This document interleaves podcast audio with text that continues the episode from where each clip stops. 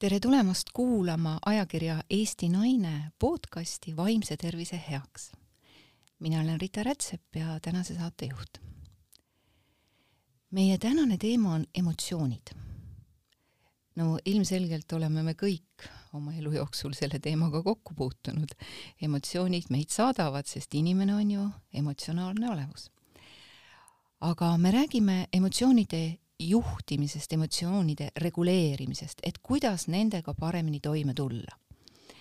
ja ma olen täna endale siia appi pannud Jaana Liigand-Juhkami.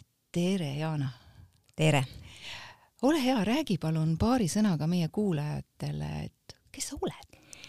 mina olen võib-olla kõige kokkuvõtlikumalt öeldes siis koolitaja ja kõige rohkem ma tegelen tegelikult eh, suhtlemiskoolitustega ja suhtlemisteemadega. ja ma olen seda teinud kuskil enam-vähem viimased kakskümmend aastat ja ja, ja minu koolitusteemad võibki jagada nagu laias laastus kaheks, et ühed on siis need või üks haru on selline, mis on seotud siis kõigega, mis on seotud suhtlemisega, läbirääkimised, konfliktid, nende lahendamine, inimeste juhtimine kui suhtlemine no vahel ka mõned nišiteemad, et arenguvestluste läbiviimine näiteks. ja siis selline teine haru, millega ma tegelen, teine haru on seotud kõigega, mis on seotud õnne, heaolu, motivatsiooni, stressiga toimetuleku, rahuloluga ja tegelikult ongi need kaks eh, teemade haru omavahel väga tihedalt seotud, sest paraku head suhted ja selline ladus suhtlemine on üks suuremaid rõõmu ja rahulolu allikaid ja konfliktid suhetes on suuremaid stressitekitajaid. nii et ja kuna need mõlemad teemad eeldavad tegelikult emotsioonide reguleerimist, siis noh, see ongi nagu see asi, mis, mis ütleme, seob need teemad nagu, nagu üheks ja, ja, ja mul on tegelikult nagu kahte sorti taust, et ma olen tegelikult, esimene haridus on mul juhtimise ja majanduse vallast, aga aga ma olen selline teise hariduse psühholoog ja, ja samuti siis selle koolitamise töö kõrvalt tegelen coaching uga ka. nii et, et äh, räägime ka inimestega üks-ühele nendel teemadel ja kõiki neid äh, teemasid, mis, mis on sinu töövaldkond, saadavad emotsioonid. absoluutselt. ja, ja kogu meie elu tegelikult saadavad emotsioonid suuremal või väiksemal määral ja, ja me nende toimetulek nendega on siis ka, kuidas me siis tuleme paremini või mitte nii hästi, eks ju. mis asjad üldse need emotsioonid on, kuidas sina selle lahti mõtestaksid? jah, ega, ega ütleme nii, et, et päris sellist eh, ühest ja, ja, ja kõigi poolt Eh, kokku lepitud vastust ju sellele küsimusele isegi ei ole. et äh, mina ütleksin ka, et, et eks emotsioon on mingisugune selline protsess, mis meil, mis meil ajus käivitub vastavalt siis mingisugusele välismaailma ärritajale ja tegelikult emotsioonid ju nii-öelda aitavad meil mõista elu ja, ja, ja seda, mis toimub. et nad tegelikult hoiavad meid ju, ju ohtude eest, eks ole, ja samal ajal noh, näiteks viimase uuringud ju näitavad, et ütleme, positiivsed emotsioonid ju toetavad ka erinevaid kognitiivseid protsesse, et loovust ja, ja, ja kohusetundlikkust ja kindlameelsust, et et selles suhtes on nad nagu meile elus tegelikult selliseks ähm,, nad võiksid olla meile eluks abiks ja, ja, ja suunanäitajaks ja ütleme nii, et võimalik, et nad on ka just nimelt selleks nii-öelda mõeldud, kui me räägime evolutsiooniliselt, aga jah, paraku mis elus juhtub, ongi see, et et selle asemel, et olla nii-öelda oma tunnete maailma peremees, me oleme selle tunnete maailma ori. Ja, ja, ja siin on muidugi suur roll tajul, kuna taju on orienteeritud ju negatiivse märkamisele, näitab meile siit-sealt igasuguseid ohtusid ja kus tegelikult seda ohtu isegi pole, no ja siis tulebki meil niimoodi, et et me natuke nagu sipleme nende emotsioonide küüsis. aga muidu nad peaksid aitama meid, jah. et ühest küljest me tegelikult vajame emotsioone, et ellu jääda ja tänu sellele me evolutsiooniliselt olemegi ellu jäänud ja eriti just negatiivsete emotsioonide poole pealt. ja teisest küljest on nad meile üheks suureks nuhtluseks no täpselt nii ta tegelikult on ja, ja nüüd ongi see küsimus, et, et noh, sellega ei pea ju leppima, eks ole, et, et see on, see on eh, omamoodi, see on eh, nii naljakas, et, et ühel, ühel mu koolitusel üks inimene nii vahvalt ütles, et et, et nojah, et, et, et ma saan aru, et emotsioonid ju tegelikult noh, nad ju hoiavad meid nagu elus, aga no mis elu see on? Nii et, et, et see oli nagu nii hästi-hästi öeldud minu meelest, et et jah, ja vot siis ongi, seda me nüüd siin ju arutamegi, et kuidas siis teha nii, et see elu oleks ikka elamisväärne. ja et mis elu see on, et selle me saame ju tegelikult ise määrata, et milline see elu on, et et üks osa sellest on ju see, et kuidas me nende emotsioonidega toime tuleme. kuidas sa suhtud sellisesse äh, mudelisse, mina, mina ise kasutan seda ja mulle endale sobib. Ja ma, ma küsiksin, mis sina sellest arvad, et kõigepealt tekib meie sees tunne, siis mõte ja siis alles emotsioon ja ütleme niimoodi, et et eks ajuuuringud on ju kinnitanud ka, et, et igasugune välismaailma ärritus või, või mingisugune stiimul, mida me kas näeme, kuuleme või, või märkame, et see paraku tekitab selles, selles emotsioonikeskuses mingisuguse nii-öelda siis häire jah, heas või halvas mõttes ja, ja sealt see tunne käivitub, et täiesti nõus. ja, ja mina ütleksin veel siia juurde niimoodi, et küll on tore, kui siis sellele eh, sellele esmasele tundevälgatusele järgneb mõte. ja tegelikult on see, et sellele esmasele tundevälgatusele väga sageli järgneb käitumine, see on just see, millega me nagu suhtlemiskoolitustel tegeme, et tegeleme, eks ole, et et me oleme ju kõik näinud ja ma usun, meil kõigil endal on ka juhtunud, et mingi, kas keegi on midagi öelnud, me oleme midagi märganud ja meil on mingi tunne käivitunud ja juba suu avaneb ja sealt tuleb igasugust, eks ole.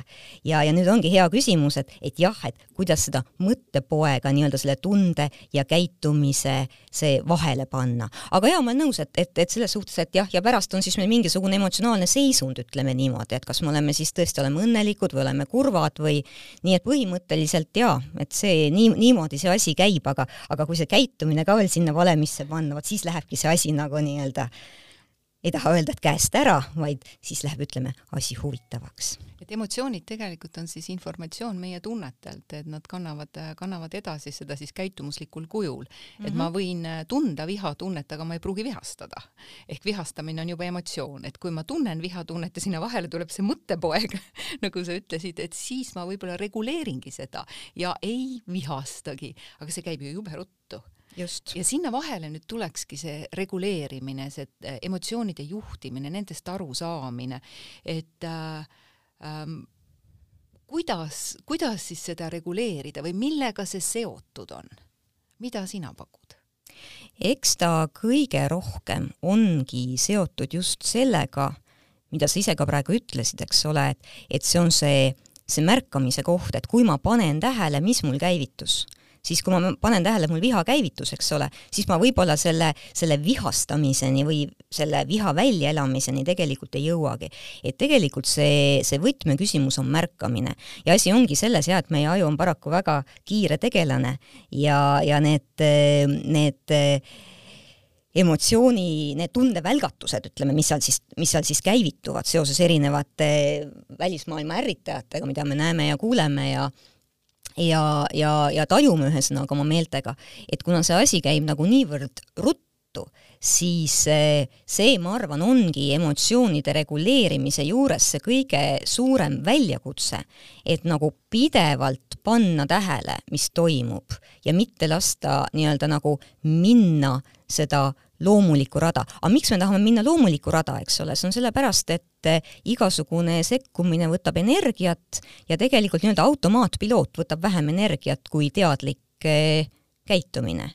et ütleme nii, et eh, see on ju ka igasuguse sellise, no hästi palju räägitakse ju, ju kohalolekust ja teadvelolust, eks ole, et see on ju tegelikult kõik selle alus, et, et automaatpiloodil käib asi palju, palju nii-öelda energia, vähema energiaga vähem energiat läheb eh, kasutusse, aga samal ajal noh, tagajärjed jällegi võivad olla, vot eriti kui me räägime suhtlemise kontekstis, eks ole, võivad olla oluliselt hullemad, sest no kui me oleme vihased, ma arvan, see ei aita tegelikult ühelegi suhtlemisprotsessile küll kaasa. ja ta võtab ka rohkem energiat, eks ju, et see, see tagajärg võtab kordades rohkem energiat meil. just, et tagajärg võtab energiat, sellisel juhul hakkab tagajärg juba energiat võtma mm. -hmm. see automaatkäitumine, mida sa nagu nimetad, on mm -hmm. ju mhm. harjumuspärane käitumine, eks? mõtlesid sa seda? põhimõtteliselt jah, ütleme see on meie mugavustsoon. jah, just nimelt jah, see on just see, et ma ei pane tegelikult tähele, mis mul käivitub ja, ja ma nii-öelda toimetan lihtsalt selle tunde pealt kas seda on võimalik ka õppida, et harjumuspärane käitumine on just nimelt see teadvustamine ehk see märkamine seal vahel, kas seda on võimalik õppida harjumuspäraseks ehk see aju ümber kodeerida? ilmselt ikka on, aga siin on, siin ongi see asi, no ilmselt me keegi ei teeks ka oma tööd, kui me usuksime, et see ei ole võimalik.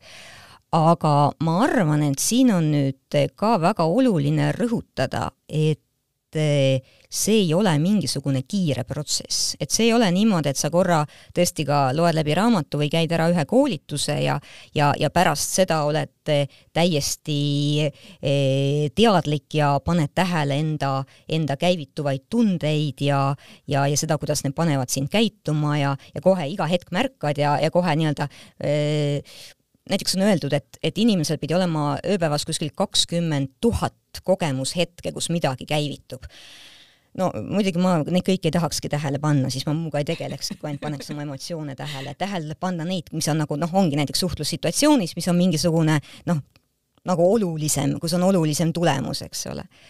et aga on kindlasti võimalik jaa, aga, aga see ei ole kerge, et võib-olla vahel ongi, mul vahel endale tundub, et sellest on nagu jäetud mulje, et see oleks midagi väga kerget ja mida saaks väga ruttu omandada ja ja siis võib-olla nii, et noh, kuidas sa siis ei, ei, ei, ei reguleeri oma emotsioone või et seda suhtumist mulle tundub, vahel on natuke palju, see ongi raske asi nojah, ja, ja tegelikult on see ju ka põnev, et, et olles emotsionaalsed inimesed, äh, siis see ongi üks osa elust ja see annab meie elule ka värvi, et muidu me oleksime ju puhtalt robotid. et õpime selgeks ainult mingisugused tehnikad ja siis nende järgi toimetame, et samas jälle meie alateadvusest tuleb tõesti kogu aeg elu jooksul, me, no kui meil on päevas kakskümmend tuhat kogemushetke, et kust need siis tulevad, me ei koge ju iga päev samad kahtekümmet tuhandet. et me oleme selle kahekümne nelja tunni jooksul ju jälle midagi juurde saanud, uued seosed ja nii edasi, et, et et ilmselgelt kõike ei ole võimalik reguleerida. aga kui me mõtleme nagu vaimse tervise seisukohalt, et tegelikult need vaimse tervise hädad või häired saavad äh, väga palju alguse just sellistest negatiivsetest tunnetest, eks ju, ja just nendest pidevalt ja korduma kippuvatest kogemustest, et äh, kuidas neid nagu märkama hakata, et, et ma näiteks oma töös ja ilmselt ka sina oma töös päris tihti ju juhtub selliseid asju, kus inimene nagu ütleb, et ma pidevalt astun nagu sama reha otsa, aga ma ei saa aru, kust see tuleb. Noh, ma arvan, et meie kuulajad on seda kogenud, meie ise oleme sinuga seda kogenud, et mida seal nagu teha, et mis on see, kuidas ma hakkan seda märkama, et mitte minna siis selle äh, nii-öelda automatismi peale just nende suuremate puhul, väiksematega me ei saa hakkama, see on selge, eks ju, aga nende suuremate puhul, millest me võiksime alustada? Et see on natuke see, mida ma vahel kutsun nagu need emotsionaalselt konnasilmad, et me ütleme nii, et, et see, et seal on see tema konnasilm, et selle peale nagu ei, ei tasuks astuda. ja, ja hea on see, kui me, kui ütleme, lähisuhetes ja töösuhetes õpime teise inimese neid teadma, kus tal need konnasilmad on, aga tegelikult tuleks tegeleda enda konnasilmadega ka. oi, me mõnikord teame ju väga hästi, kuhu peale astuda. just nimelt, eks ole. seda me teeme meelega jaa, just nimelt, me tegelikult te teeme ka niimoodi just ja, ja ütleme nii, et, et ärme veel räägi erinevatest, ütleme, manipulaatoritest ja taolistest inimestest, kes nii-öelda raalivadki teiste inimeste konnasilmasid välja, et nende peal talluda. aga aga eks see on see eneseteadlikkus jah, et see on eh, nii-öelda tuttavaks saamine enda nende nii-öelda päästikute või nende konnasilmadega, et et kus nad mul asuvad, et see on ka kahtlemata selline eneseanalüüsimise töö. Ja, ja tõesti, kui, kui ise ei tule sellega toime, et, et siis on, on väga hea seda arutada kellegi teisega, et kus need minu omad just nimelt on, jälgida oma käitumist. Ja, ja tõesti äh, panna tähele, et noh, tegelikult natukene niimoodi tehakse ju ka ju psühholoogia valdkonnas ju uuringuid, kus inimesel on see puldike käes ja ja teatud eh, hetkedel päevas seal käib piiks ja ta peab vajutama või kirjutama kuhugi, et mis tunne tal on. et, et seda võiks nagu ise ka teha ja, ja võib-olla ise ka üles kirjutada või märkida, et mis on need olukorrad, mis minu nii-öelda käima tõmbavad. me teeme tihti seda, et äh, tema teeb Mm -hmm. tema on, tema, tema, tema, vot kui tema teistmoodi teeks, siis oleks kõik palju paremini. Või et tema põhjustas seda või, või see olukord põhjustas seda, kas siis äh, globaalsemal või, või vähem väiksemal äh, suhte, suhte olukorras, aga äh, kui, kuidas näiteks märkama hakata või ähm, noh, märkamine minu meelest ongi kõige aluseks, et kas siis see muster hakata seda üles kirjutama või on sul mingi tehnika anda, näiteks et, et kui inimene nagu järjest astub selle reha otsa või laseb enda konnasilma peale kogu aeg astuda, et kas ta siis kirjutaks üles või mis, mis ta tegema hakkaks, et ta seda mustrit sealt välja hakkaks raalima? esimene asi muidugi, mis ma talle ütleksin, ongi täpselt seesama ütleme, selle olukorra nii-öelda lahti mõtestamine, mida sina just praegu kirjeldasid, et eh, ma ütlen selle kohta tavaliselt niimoodi. Ja, ja, ja vahel on see pannud inimesi, noh, ma olen näinud, et see on, see on aidanud neid, et hak-, et hakata üldse niimoodi mõtlema, ütlen veel vahele korra seda, et et eks me ju tegelikult reguleerime neid tundeid ju mõtte abil, et ega me kätt oma pähe toppida ei saa ega mingit varrast ka mitte ja, ja seal sobrada, et me ju reguleerime neid mõtte abil. Ja nüüd, mis tähendab siis nagu teistmoodi mõtlemist natukene. Ja mõtlemine on juba teadvustatud protsess ja, ja, ja seda ma saan nagu ise kontrollida, vastupidiselt sellele emotsioonile, mis võib käivituda nii, et ma teda kontrollida ei saa, et ta käivitub kontrollimatult, vot seesama konnasilm, keegi tegi midagi ja, ja kogemata tallus selle peal.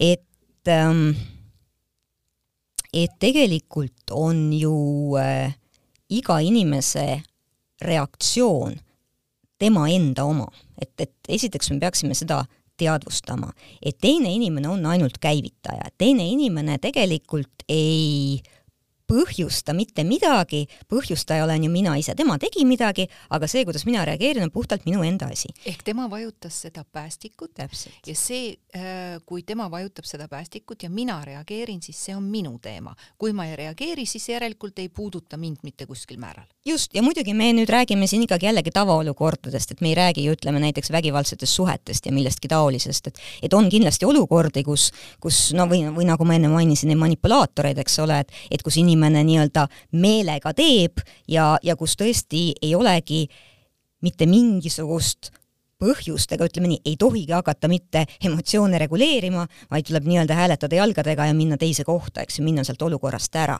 aga kui meil on nüüd tavaolukord, siis paraku on see nii, et me kõik oleme erinevad inimesed ja, ja need asjad, mida mina võin teha eh,, teine inimene, ta, ta võib teha tegelikult, ütleme, mina võin ka teha väga palju asju teadmatult, mis teisele inimesele võib-olla vot selle nii-öelda valusalt mõjuvad või, või sellise koha peale, koha peale, eh, koha pihta lähevad.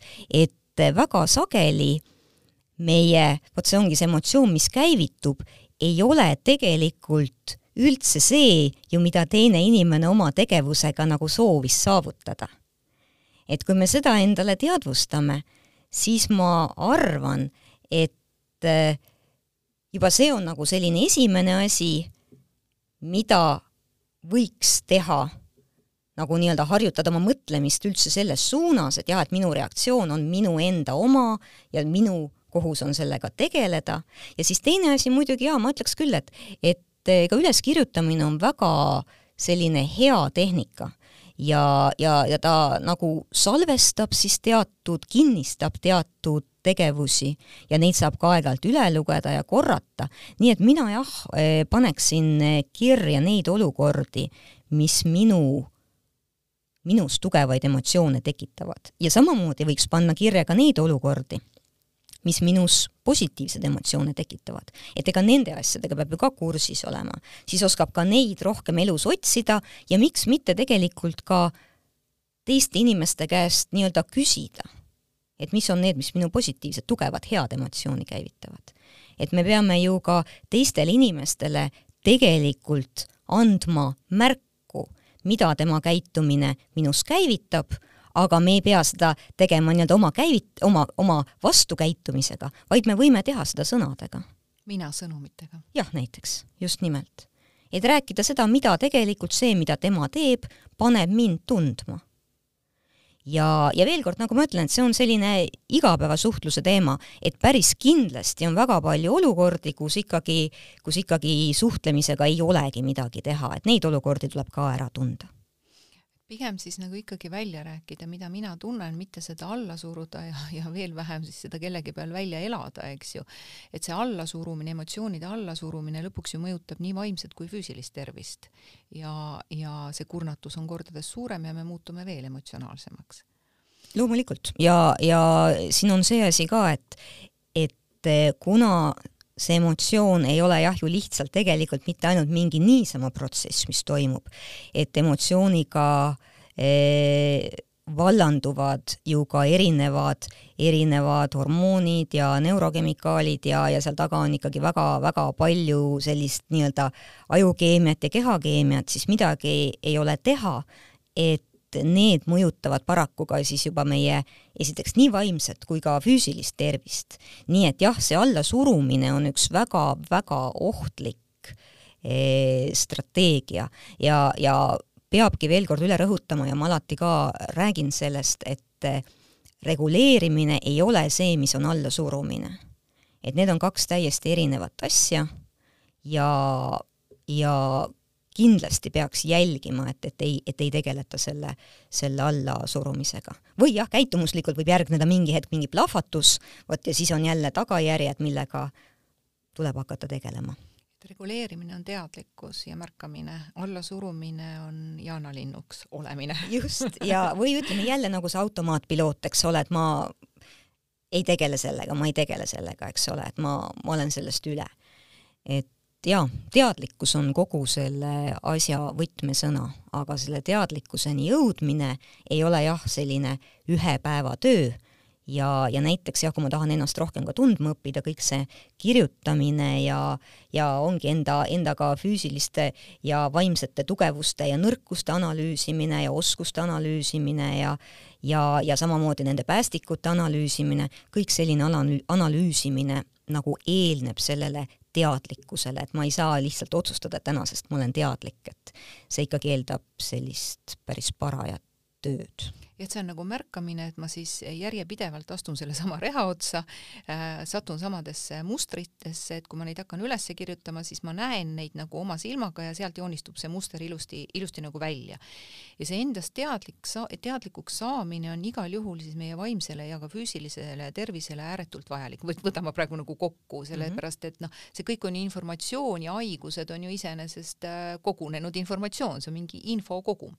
ehk siis emotsioonid on äh, informatsioon tunnetelt, mis meie sees on. ma läheks siit näiteks edasi sellega, et, et see on ka, pakun välja äh,, väga palju seotud enesehinnanguga. et emotsioonid on seotud ikkagi äh, teadlikkus, enesehinnang ja just nimelt positiivne enesehinnang. on see nii? see on nii ja, ja ma kommenteeriksin üldse veel ühe, ükskord ühel koolitusel, ühe koolitusel osaleja sõnadega, et, et tegelikult eh, nii-öelda vahemärkusena see on, see on väga hämmastav, kui palju on inimestel tegelikult selliseid häid mõtteid ja, ja välgatusi.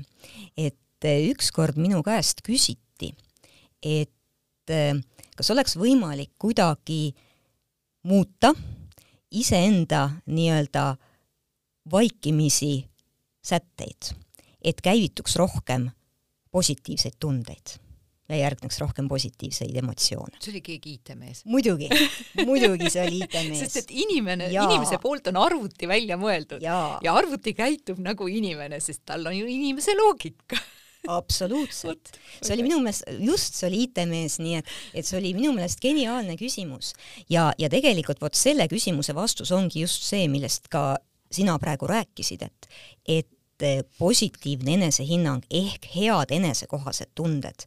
Ja, ja kui sa nagu, see on, see on nagu, ma isegi ütleks nii, et see on nagu eh, filtriks või vaikeseadeks, vot tema tahtis seda vaikeseadet, jah, aga mina olen ise kutsunud seda nagu filtriks.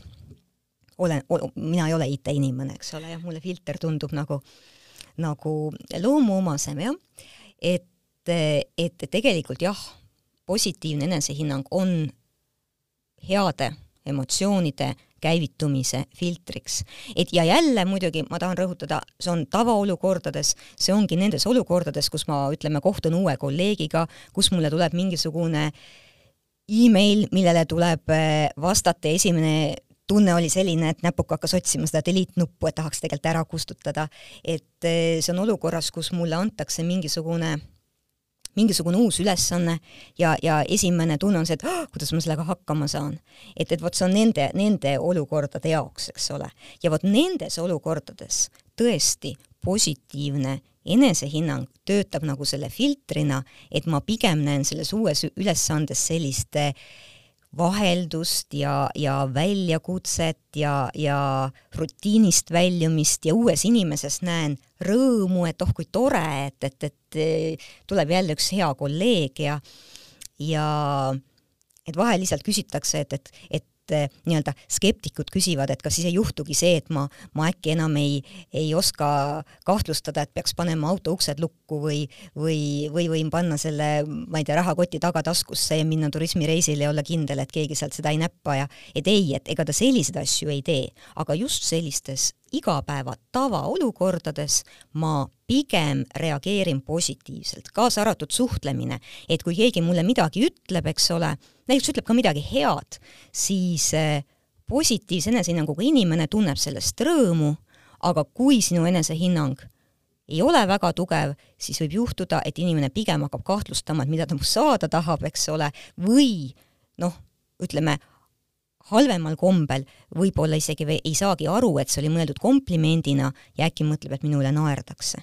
nii et, et, et jah, et ta kuidagi filterdab nagu sellist ähm, sellist äh, positiivset välja, see enesehinnang, kui os-, olenevalt siis sellest, kus koha peal ta on et emotsioonid on seotud ikkagi jah, väga tugevalt selle, kas meil on endast äh, milline arusaamine meil on iseendast, et kas meil on madal või, või siis mm -hmm. adekvaatne enesehinnang, hea enesehinnang.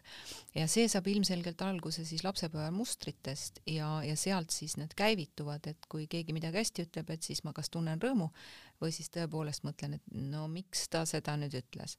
ja samamoodi igasuguses suhtlemises, et äh, ma olen, ma olen ise koolitustel nagu suhtekoolitustel just rääkinud seda, et kui keegi inimene teid nagu välja vihastab, siis tegelikult teid ei saa ju välja vihastada, kui te ei vihasta.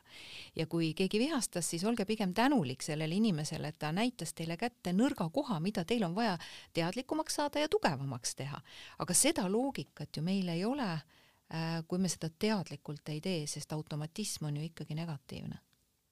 ja, ja vaata, siin ongi see asi ka, et, et et eh, õnneks on jõudnud nüüd eh, ka nii-öelda laiema avalikkuseni teadmine, et äh, igasugune käitumine ja suhtlemine on ju tegelikult õpitavad asjad, samamoodi nagu see eneseregulatsioon, eks ole. et ütleme, et see vabandus, et ma olengi selline, jaa, geneetiliselt ma olengi selline, mul on oma temperament ja mul on omad eh, füüsilised ja, ja, ja kahtlemata ka, ka ajus on ka meil jah, teatud erinevused ja, ja loomulikult ütleme, mõni inimene ongi selline, kellel käivituvad need emotsioonid väga, väga ruttu, juttu. süütenöör on ikka just, väga lühike, eks ju, aga see võib ka tulla vanematest, sest ta on näinud, see on kogemuslik. see on ka kogemuslik, aga siin on kindlasti, ütleme, geneetiline komponent ka, aga kuna, kuna eh, temperament on eh, ka ju päritav, et selles suhtes võib see olla ka, ka see, et, et ütleme, et see võib ka vanematelt olla geeniliini pidi kaasa tulnud, eks ole. lisaks sellele loomulikult, et lapsed ju õpivad matkimise teel, täpselt nii. aga aga, aga see vabandus, jaa, et ma ju olengi selline, et see tegelikult ei ole vabandus, et, et käitumise koha pealt see vabandus ei ole, suhtlemise koha pealt see ei ole vabandus, et tegelikult me saame ise siiski väga palju sinna vahele sekkuda. et suur vahe on, kas emotsioonid juhivad meid või meie juhime emotsioone. täpselt. ja see, see on ka ole... vastutuse võtmise koht. me tihti ei taha seda teha. aga loomulikult ja tegelikult ütleme see, see, et aga ma ei olengi selline, on üks enamlevinumaid selliseid just vastutuse mittevõtmise kohti ja nii-öelda see nagu lõikabki ju tegelikult noh, panebki nagu vestlusele punkti, mida sa siin eda-, edasi ütled. see on tegelikult ka ütleme manipulatiivne tehnika, kui päris aus olla aga noh, see manipuleerimine on veel, veel hoopis omaette teema, aga jah, et, et noh, kui tuua näidet, et tegelikult äh,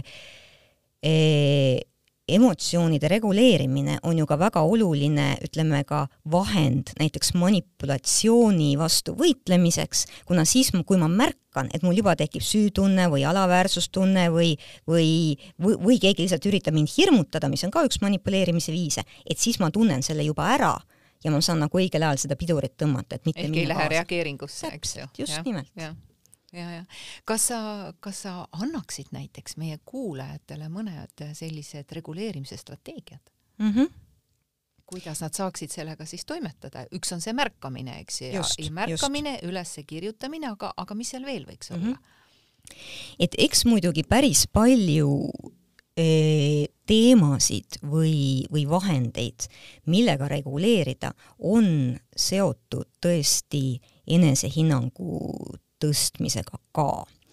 et üks asi ongi see, et, et esiteks see märkamise teema, millest just praegu rääkisime, aga teine asi on see, et äh, ma olen alati soovitanud inimestel ka nii-öelda pidada kuskil jah, loetelu oma, oma tugevustest ja oma, oma headest omadustest ja oskustest. aga seda on oluline teha nüüd enne olukorda sattumist. sest kui sa satud olukorda, siis olukorras oleks vaja mõelda kolme asja peale. esimene asi ongi see, et kui ma tunnen, et mul käivitus, ütleme, ma ei ütle kunagi, et käivitus halb tunne, halbasid tundeid ei ole, ka negatiivseid tundeid on vahel väga vaja. aga ütleme, et käivitus olukorda mitte toetav tunne. ja, ja sellest tekkis vot seesama negatiivne emotsioon ja, ja kui ma seda tunnet nüüd märkan, eks ole, võib-olla saan juba pidurdada enne, kui, kui see mul selleks valdavaks meeleoluks üle läheb ja, ja kui ma käituma hakkan. ja, ja et sellises olukorras võiks mõelda, mis on minu tugevused, mis aitavad mind taolises olukorras toime tulla et kui nii-öelda see, see äh, filter ei töötanud ja ma saan uue ülesande või kohtun uue inimesega ja mul millegipärast käivitub mingisugune ärevus, kahtlus, vastumeelsus, hirm, mis iganes võib käivituda, et, et siis mul oleks võtta nagu nii-öelda varnast mõned tugevused, mis seda olukorda aitavad lahendada. aga kui ma sel hetkel hakkan neid välja mõtlema, tore, kui ma märkasin, see on juba nii-öelda esimene pluss, eks ju. Aga kui ma nüüd sel hetkel hakkan neid tugevusi välja mõtlema, väga võimalik, et siis ei tule no aju läheb ju ainult, tal on ainult üks asi, mõte on ainult ühe asja peal. just, lühis tekib jah. jah, võitlen või põgenen, eks ju, ei mingeid no. strateegiaid. kaugel sellest, nii et see peab olema nagu ette kõik valmistatud. et see teebki selle, selle teema keeruliseks, et ettevalmistus, ettevalmistus, ettevalmistus, nii nagu tegelikult räägitakse enamus asjade kohta elus. ja, ja teine asi, teine selline mõttetehnika, sest kõik need tunde reguleerimise viisid on mõtte abil, nagu ma juba enne ütlesin. et teine asi on proovi leida midagi, mis selles olukorras meeldib. ja näiteks, ma toon näite ühest valdkonnast, mida, mis on äh, minu töös, ma näen inimestele tegelikult valmistab kõige rohkem muret, stressi, pahameelt, raskusi. Ja, ja just ka ütleme seda, et näiteks selles olukorras eh, nii-öelda kivistutakse või see on ka juba ju käitumine, kui ma ei suudagi midagi vastu öelda, näiteks kui mul jääbki nagu kala kuival ja selle käivitas ka mingi tunne, mida see teine inimene mul nii-öelda vajutas, jah. ja, ja nüüd see asi oleks siis selline, et ehm, ehk siis keeruline inimene ja kui ma olen sellises olukorras ja mul on tõesti mingi keeruline inimene, siis küsimus, et mida seal leida siis positiivset. no see on parim õppimise koht nii nagu tegelikult sa enne ütlesid ka selle, selle oma näite põhjal, et mina ütlen ka, et kui sa satud eh, kokku mingisuguse reaalselt keerulise inimesega, küll see on nii palju parem kui igasugused suhtlemistreeningud ja, ja, ja rollimängud, mida me ka ju kõik teeme ja valmistame sind ette selleks. aga see päris kogemus on no nii palju parem. naudi seda ja, ja kui sulle meeldib midagi uut õppida, no siis on see selline õppimise koht, aga nüüd, kui sa näiteks ütled, et aga tead, mina ei armasta üldse eriti, eriti õppida, et mulle ei meeldi uued kogemused ja ma ei taha õppida. No sellisel juhul ma soovitan, mõtle selle peale, et olukord on käes, kõik, mis on käes, saab mingil hetkel ka läbi. nii et nüüd on ainult, praegu, kui sa oled juba selles olukorras, see olukord liigub oma vääramatu lõpu poole. et, et erinevad asjad, proovi leida midagi, mis meeldib ja kolmas asi on, on varasem kogemus, et kui nüüd on rohkem aega, et kõik need tehnikad on ka seotud sellega, et, et oleneb, kui palju meil aega parasjagu on, et mis olukorras me oleme. et kolmas asi on tõesti proovi mõelda mingisuguste varasemate kogemuste peale, näiteks uued inimesed, mõelge ka selle peale, et, et teie kõige lähedasemad ja kallimad inimesed olid teile kunagi uued, okei okay,, beebina te ei mäleta seda, see on arusaadav. aga, aga sinu parimad sõbrad olid sulle kunagi uued ja, ja elukaaslane oli uus ja, ja oma lapsed olid ka mingil hetkel uued, nii et, et nad olid kõik uued inimesed ja vaata, kui toredad suhted on nendest tulnud, et, et aga miks ei võiks ka siit tulla? nii et, et kolm asja, et mõtle oma tugevustele, mõtle, mis selles olukorras võiks olla meeldivat, mis sulle võiks meeldida ja proovi meenutada mõnda varasemat kogemust. ja neid ei pea tegema kõike korraga, et eh, kui on aega, palun väga, aga kui on kiire, siis mina tegelikult soovitan seda keskmist, et eh, proovi leida midagi, mis meeldib selles olukorras et see aitaks emotsiooniga ja. toime tulla. aga ma rõhutan veel kord. juhtida mõte mujale. just nimelt. fookus aga... nagu ära selle tunde pealt siis, mis nagu üles kerkis, jah? Täpselt nii. Ja võib-olla ka ütleme, käivitada mingisugust paremat tunnet. Et, et see, ega me ju mõttega ju käivitame omakorda ka tundeid, et, et selles suhtes, et see tunne ei käivitu ju ainuüksi nii-öelda nendest välistest stiimulitest. kui see ainult oleks nii, siis me ju ei ajaks ennast oma mõtetega ju paanikasse aga me ju ka mõttega käivitame tegelikult oma tundeid. nii et oi kui hästi saab oma mõtetega oma tundeid käivitada. no ikka see, mida me jõustame, selle, selle mõttega me kaasa lähme, et nii kui kastame ja kastame ja nii ta suureks kasvab. nii ta tuleb, nii et, et siin ongi see lugu, et, et kui me suudame nagu ennast ühtepidi nagu nii-öelda oma mõtetega rivist välja ajada, siis tegelikult me suudame ennast ka rivvi tagasi tuua. aga kogu selle asja juures meie eelmine teema, peab rõhutama, et need tehnikad tõesti töötavad palju paremini nende inimeste puhul, kelle enesehinnang on hea. sellepärast, et eh, esiteks muidugi neil juba see filter on peal, nii-öelda, et käivituvad tunded on ilmselt paremad, aga teine asi, neid, neid eh, eh, kolme sammu, mida ma praegu rääkisin, on väga raske teha, kui enesekohased tunded on kehvad, kui enesehinnang on madal nii et, et tegelikult eh, ma soovitaks kindlasti kõigil teha tööd ka enesehinnanguga, no see on veel omaette teema, eks ole, aga, aga aga võib-olla jah, ma ütleks ka veel nii, et, et juhul nüüd, kui need tehnikad nagu tunduvad, et ei, ma ei saa nendega hakkama, et loomulikult on ka teisi tehnikaid, et on igasugused hingamisharjutused e,, tegelikult ju, ju teadveloleku meditatsioon aitab palju, aitab ajus tegelikult laienevad need piirkonnad, kus käivituvad positiivsed emotsioonid e,. vahel ka visuaalid, aknast välja vaatamine, kiisu-kutsu pildi märkamine kõik, kõik sellised asjad on ka tehnikad, aga lihtsalt mina ise õpetan sellist, kuidas öelda, natuke nagu isegi ütleme, ratsionaalset tehnikat. et selle kohta on ju kunagi öeldud, et, et noh, see emotsioonide juhtimine on, on ju seotud selle väga levinud terminiga emotsionaalne intelligentsus, et kuidas käitub emotsionaalselt intelligentne inimene, ta käitub nagu ta oleks ratsionaalne. pealtnäha vaatad, et see ongi see ratsionaalne inimene, eks ole. Nii et see minu tehnika on ka selline nagu natuke ratsionaalne tehnika, et ma üldse ei välista, et väga palju teisi tehnikaid on veel ja neid tasub äh, aktiivselt otsida, aga, aga noh, me kõik oleme nagu oma, oma kitsama või laiema valdkonna eksperdid.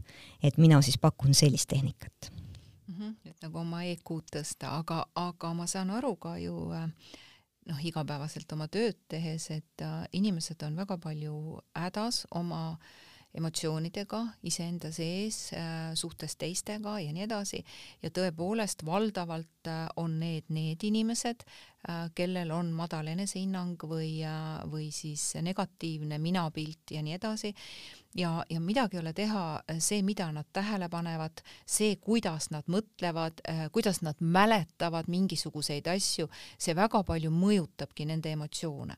et nüüd needsamad inimesed, kes on hädas oma emotsioonidega, et kui meil on see EQ kõrge, siis me ei ole nii palju hädas sellega.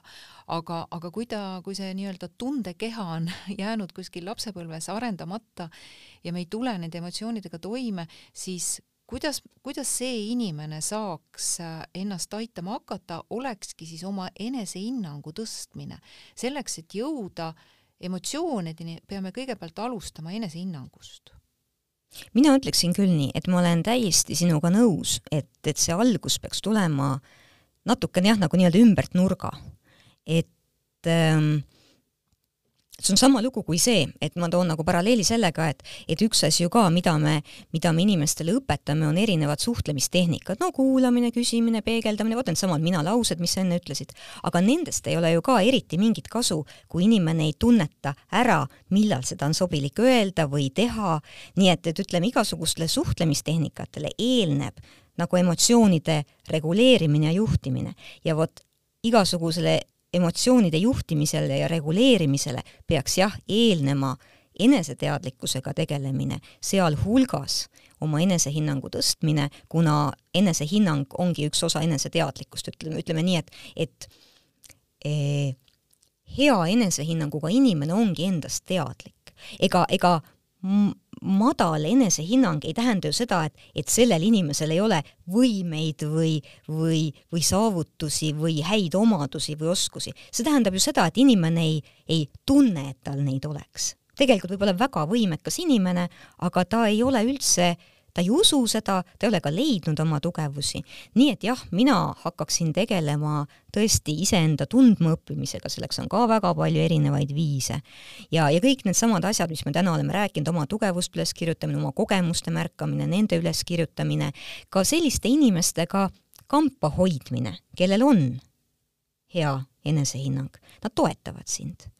et eh, sa saad ka neilt ju küsida näiteks selle kohta, milline sa oled. et, et see on ka väga huvitav ju, et, et öeldakse, et meie meie inimese mina ju avaldub ainult meie kontekstis, et ega kui ma üksi džunglis elaks, siis ma ei teakski, milline ma olen. aga, aga ma olen saanud kogu oma teadmise ju end ümbritsevate inimeste käest ja kahjuks jah, kui elu alguses on see teadmine, mille ma saan, väga negatiivne ja, ja mina ütleksin, see on kõige suurem ebavõrdsus laste seas. mitte see, kuhu sa sünnid, mitte see, mitte see, kui palju su keskkond, kui, kui jõukas keskkonnas sa, sa, sa üles kasvad, et, et see on ka väga hea ja väga toetav.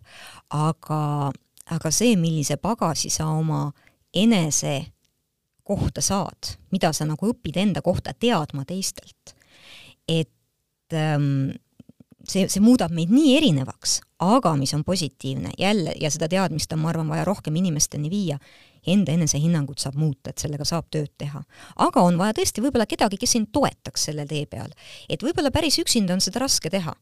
et ähm, aga kindlasti raamatud aitavad, tänapäeval on ikkagi võimalik ju väga palju lugeda erinevat kirjandust, kuulata erinevaid podcast'e, eh, vaadata videosid, vaadata vaadata ka konverentse, vaadata, vaadata maailmas ringi tegelikult oma kohalt lahkumata. nii et, et see endaga töö tegemine ja, ja endale pidev meeldetuletamine, tegelikult meil kõigil on väga palju võimeid. meil on palju rohkem seda sisemist tugevust ka, kui me arvame. et eh, lihtsalt selle teadlik meeldetuletamine ja, ja äraunustamine, et ah, kõik saavad hakkama sellega ja noh, mis, mis nüüd mina, eks ole. just sina ja, ja sina oledki eriline ja, ja sa suudad palju rohkem, kui sa tegelikult arvad. et, et selle meenutamine iseendale on tähtis mm. -hmm. selleks, et nende emotsioonidega ikkagi igapäevaselt võimalikult paremini toime tulla, õppida neid juhtima, reguleerima on, on tõesti ääretult palju tehnikaid, aga tehnika iseenesest ei tööta, kui, äh, kui me ainult tehnika peale jääme, eks ju, vaid, vaid pigem tuleb äh, alustada, alustada siis sellest, et kust ma tulen, kes ma olen. ma mäletan, keegi just kuskil ütles, et, et me sünnime siia maailma ja siis kaheksateist aastat lapsevanemad kasvatavad meid hoole ja armastusega ja siis järgmised, järgmise elu, ülejäänud elu me siis peame kogu selle jamaga tegelema et, et no nii naljana, naljana täitsa, täitsa nali, eks ju, aga samas äh, kurb ja tõsi.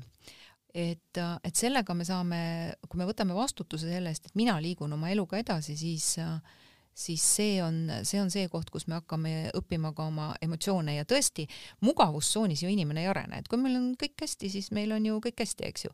aga just nimelt, et need erilised olukorrad, need erilised inimesed, kes kisuvad meis välja need emotsioonid, et neile tuleks ju tegelikult hoopis tänulik olla. et ahah, nüüd ma saan järjest rohkem teadlikumaks iseendast, et, et ma saan, saan paremini tugevamaks ja nii edasi, eks äh,. just nii jah, ma pakuks veel mõned asjad, et mis sa, mis sa arvad, et, et noh, eks seda emotsionaalset, üliemotsionaalset inimest siis nii-öelda võib-olla isegi negatiivsemas mõtmes, eks ju, mitte, mitte just selles positiivses, et kui ta, kui ta nüüd on positiivne selles mõttes, et ta peidab oma tegelikku negatiivsust ja on selline noh, nagu tola rollis või nii edasi, see, see on juba nagu natuke teine teema, eks. aga kui me võtame sellises negatiivses valdavalt äh, selles vaibis oleva inimese, kes näeb elu nagu läbi mustade prillide, siis ta on ka haavatavam teiste poolt. loomulikult. ja tema emotsioonid tulevad ju kiiremini ja, ja vahetumalt ja mitte soovitud kujul välja. on nii? täpselt nii, loomulikult on. ja, ja siin ongi see asi, et, et ta tajub ka sellisel juhul väga paljusid asju ja võib-olla ütelusi ja sündmusi sootuks negatiivsemalt. ja, ja muidugi, mis siia veel omakorda eh, nii-öelda eh, võib-olla, võib-olla jätkuks läheb ja, ja paneb nagu selle lumepalli veerema, et, et seda on ju ka uuritud, et, et eh, omakorda siis näiteks selline, selline nii-öelda torssis nägu ja umbusklik ilme takistab ka märgata omakorda jälle positiivsust. nii et tal niikuinii on, eks ju, see negatiivne, negatiivne tunne sees, eks tal on võib-olla palju, palju sellist viha, palju sellist ärritust ja, ja sellele, sellest tulenevalt ta reageerib kõigele jah, väga teravalt. ja, ja uuringud on jah näidanud, et, et kui, kui katsealused vaatasid filmi nii, et neil oli pastakas ühtepidi risti suus, nii et nende nägu oli naerul, siis neile tundus ju see film naljakam ja kui oli pastakas teistpidi suus, otsapidi, nii et ta naeratada ei saanud, tundus ka film vähem naljakas. nii et, et selle tõttu võib öelda, öelda, et jah, see torssis inimene mm, nii-öelda taastoodab seda negatiivsust ja kõige hullem enda jaoks kogu aeg juurde. no katsu sa naeratada suunurgad allapoole, eks ju. ei saa, ei saa ja, ja samas see naeratus annaks jälle nagu signaali sellele, sellele ajule ja, ja aitaks rohkem märgata neid positiivseid signaale, nii et on selline kummaline ring on ka veel, kuidas, kuidas ütleme mm,, kuidas ütleme e,, muide teine, teine selline vahva uuring tehti Botoxiga, et, et kui otsa ette sinna nende, nende vihakurdude vastu seda Botoxit süstida, et, et siis need e, patsiendid või katseisikud, e, nende e, teadvusesse jõudis selline negatiivne negatiivne lausend nagu natukene hiljem. et, et see ei tähenda, et me kõik peaksime minema Botoxit süstima, aga lihtsalt jaa, et isegi see asi, et kui ma midagi kuulan ja mul nii-öelda natuke nagu kulm kortsu läheb, eks ole, see tegelikult omakorda, see, see miimika väljendus saadab jälle signaali ajusse, et nii, nüüd tuleb nagu olla ettevaatlik, selle koha pealt tuleb olla nagu, nagu tähelepanelik nii et tegelikult jah, et, et selles suhtes, et jälle ei pea kartma, et, et kui on, kui on mingi protseduur tehtud, et siis nagu enam põõsa taga hulkuvat karu ei märkaks, märkab ikka. aga jah, et negatiivse sellise, sellise lausendi ajusse jõudmine võttis nagu natuke kauem sel juhul aega. päris huvitav tähelepanek või uuring. aga huvitav, kuidas me jõuame siis ikkagi selleni, et äh, kui me märkame, et äh, meil on probleeme emotsioonidega, ähm, me ei halda neid selles mõttes probleeme, et me ei saa aru, mis meiega toimub, siis me peaksime pigem hakkama tegelema enda, enda ütleme siis enesehinnanguga, enda teadvustamisega, sest emotsioonid on sõnumitoojad tunnetelt, mis meie sees on, meie kogemustelt, mida me oleme see elu jooksul õppinud ja kogenud. ja, ja võib-olla võiks mõned äh, tehnikad hoopis siis enesehinnangu teemal siia, siia anda, et noh, näiteks fookuse muutmine võib-olla ka mingid positiivsed monoloogid, on sul mm -hmm. veel midagi pakkuda, et kuidas ma hakkan iseendast rääkima, missuguse pildi ma endast tegelikult loon? just, et me saame ju ka eh, kirjutada üles näiteks mingisugust, kirjeldada mingisugust olukorda, panna see olukord kirja ja tegelikult siis kirjutada selle olukorra kohta hoopis teine jutt positiivses võtmes et keerata aju teisipidi. jaa, jaa, just, et, et nagu luua see, luua see teine pilt ja, ja proovida, proovida seda, alguses on kindlasti väga raske kirjutada sellist, noh näiteks ütleme, käisin tööintervjuul ja tegelikult ilmselt ei läinud väga hästi ja panen selle jutukese kirja.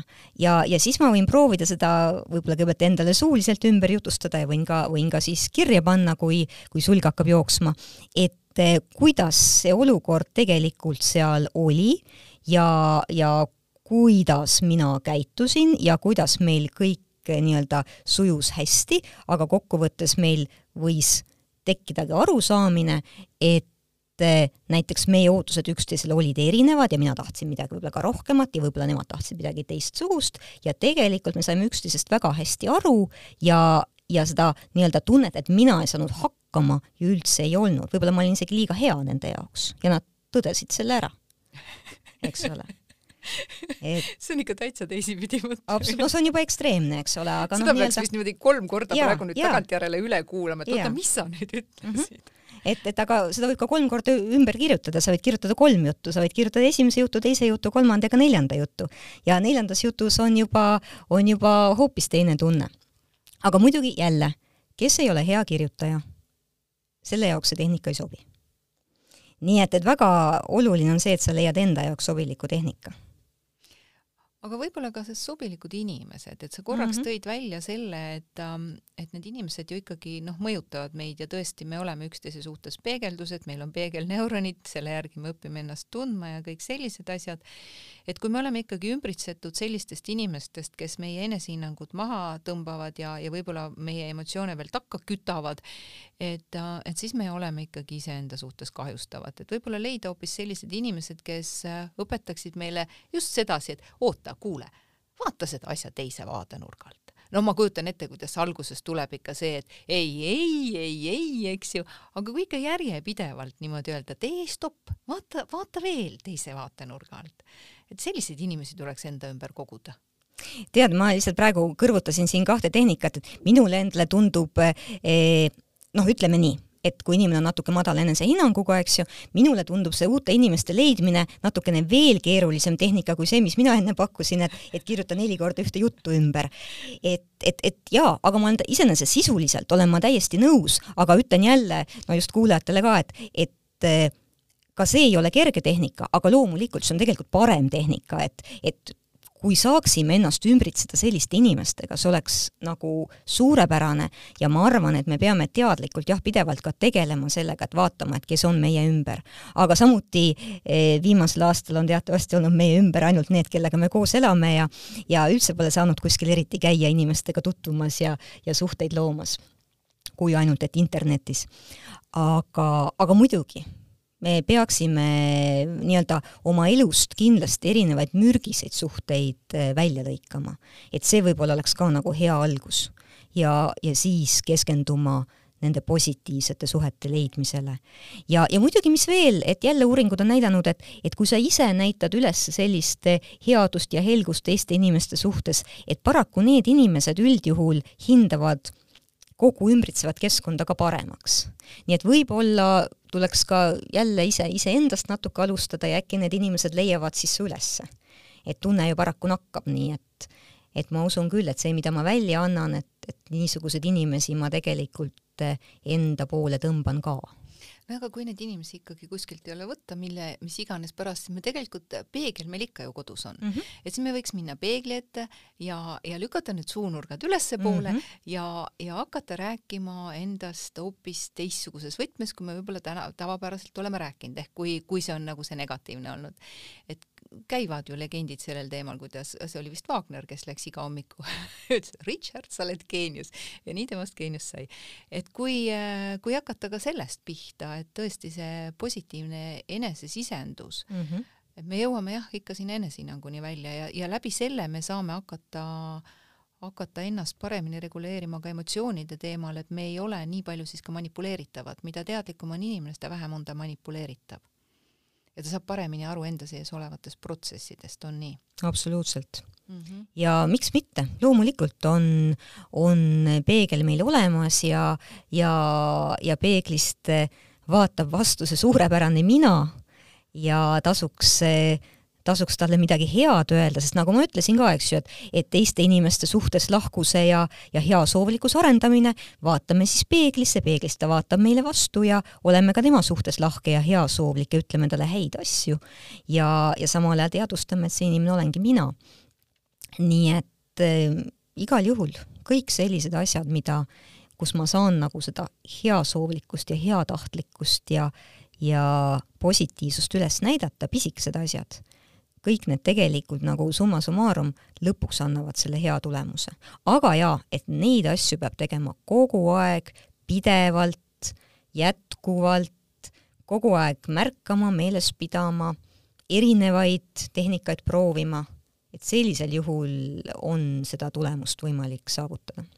et me ei tohi laisaks jääda jaa, just nimelt, ja aju ju ka muutub laisaks, eks ole, et et peab pidevalt seda, seda neid positiivseid seoseid sinna juurde tekitama ja, ja võimendama ja, ja mitte jah ähm, mitte laskma lihtsalt niisama minna, sest selle eest hoolitseb juba väliskeskkond küll, et piisavalt neid ohusignaale meile, meie, meieni jõuaks. ja need on ka omamoodi head, ega me peamegi teadma, mis ümberringi toimub ja peamegi olema, olema ohtude suhtes teadlikud, ettevaatlikud, aga samal ajal tuleks seda elu ju ka nautida. et elu on tegelikult ikka ilus ja, ja mida paremad on suhted, seda, seda ilusam on elu, seda on näidanud ju ka erinevad uuringud ja ja kõik see Harvardi maailma suurim õnneuuring on ju ka näidanud, et, et tegelikult pika ja terve ja eduka elu tagatiseks on head suhted. Mhm. ja mina olen täiuslik sellisena, nagu ma olen täiesti. Et iga, igal juhul nende emotsioonide teemal äh, nii nagu kõikide muude asjade teemal siin, et saada endast teadlikumaks, et äh, õppida juhtima oma mõtteid ja kõike, kõike sellega, mis seostub meie igapäevase eluga, sellega toimetulemisega, me ikkagi vajame seda sihikindlat tegevust, mis ei tähenda seda, et me nüüd äh, aju suitseb kogu aeg, et me jääme nendeks inimesteks nii ehk naa, aga just nimelt võib-olla sellistes emotsionaalselt meid pidevamalt või, või järjepidevamalt äh, külastavad teemad, et kui me märkame seda mustrit juba, et, et hakata seda tõesti märkama äh, ja sellega teadlikumalt tegelema, et, et see on info meile meie enda kohta just nimelt ja kõikvõimalikud keerulised olukorrad on parimad õpetajad, nii et, et kui me neid pisiasju meeles peame, ma arvan, see on juba suur-suur algus. jah, ilmselgelt, ehk siis selline teadlik tähelepanu suunamine ja, ja see aitab meil sellistest emotsionaalsetest äh, sündmustest tegelikult alati tulla välja võitjana. muidugi. jah, ja, ja, ja selline pikemaajaline harjutamine äh, tekitab uue automatismi ja, ja me saame õppida neid emotsioone tegelikult ja olukordi suunama ja muutma endale sobivas suunas no harjutamine pidi meistriks ka tegema, räägitakse nii, et mõni ütleb, et harjutamine teeb harjutajaks, aga aga ka see on ju tegelikult tore muidugi, ja, ja jätkuv harjutamine, kuna kõik olukorrad ju muutuvad, et ega selle harjutamisega me kunagi ei saa ka lõpetada, et nüüd on harjutatud. et tulevad jälle uued olukorrad, uued inimesed, käivitavad meis uusi asju ja me saame jätkuvalt muudkui harjutada ja harjutada ja, ja see ongi see, et, et meisterlikkus ei ole tegelikult üldse lõppsiht, et meisterlikkus on ka protsess. Oleme siis edasi terve elu õpilased. just aitäh sulle, Jana, tulemast, meiega seda kõike jagamast ja aitäh meie headele kuulajatele kuulamast ja ma väga loodan, et te kuulate ühe korra, siis kuulate veel teise korra teadlikumalt üle ja hakkate harjutama. aitäh kõigile! aitäh!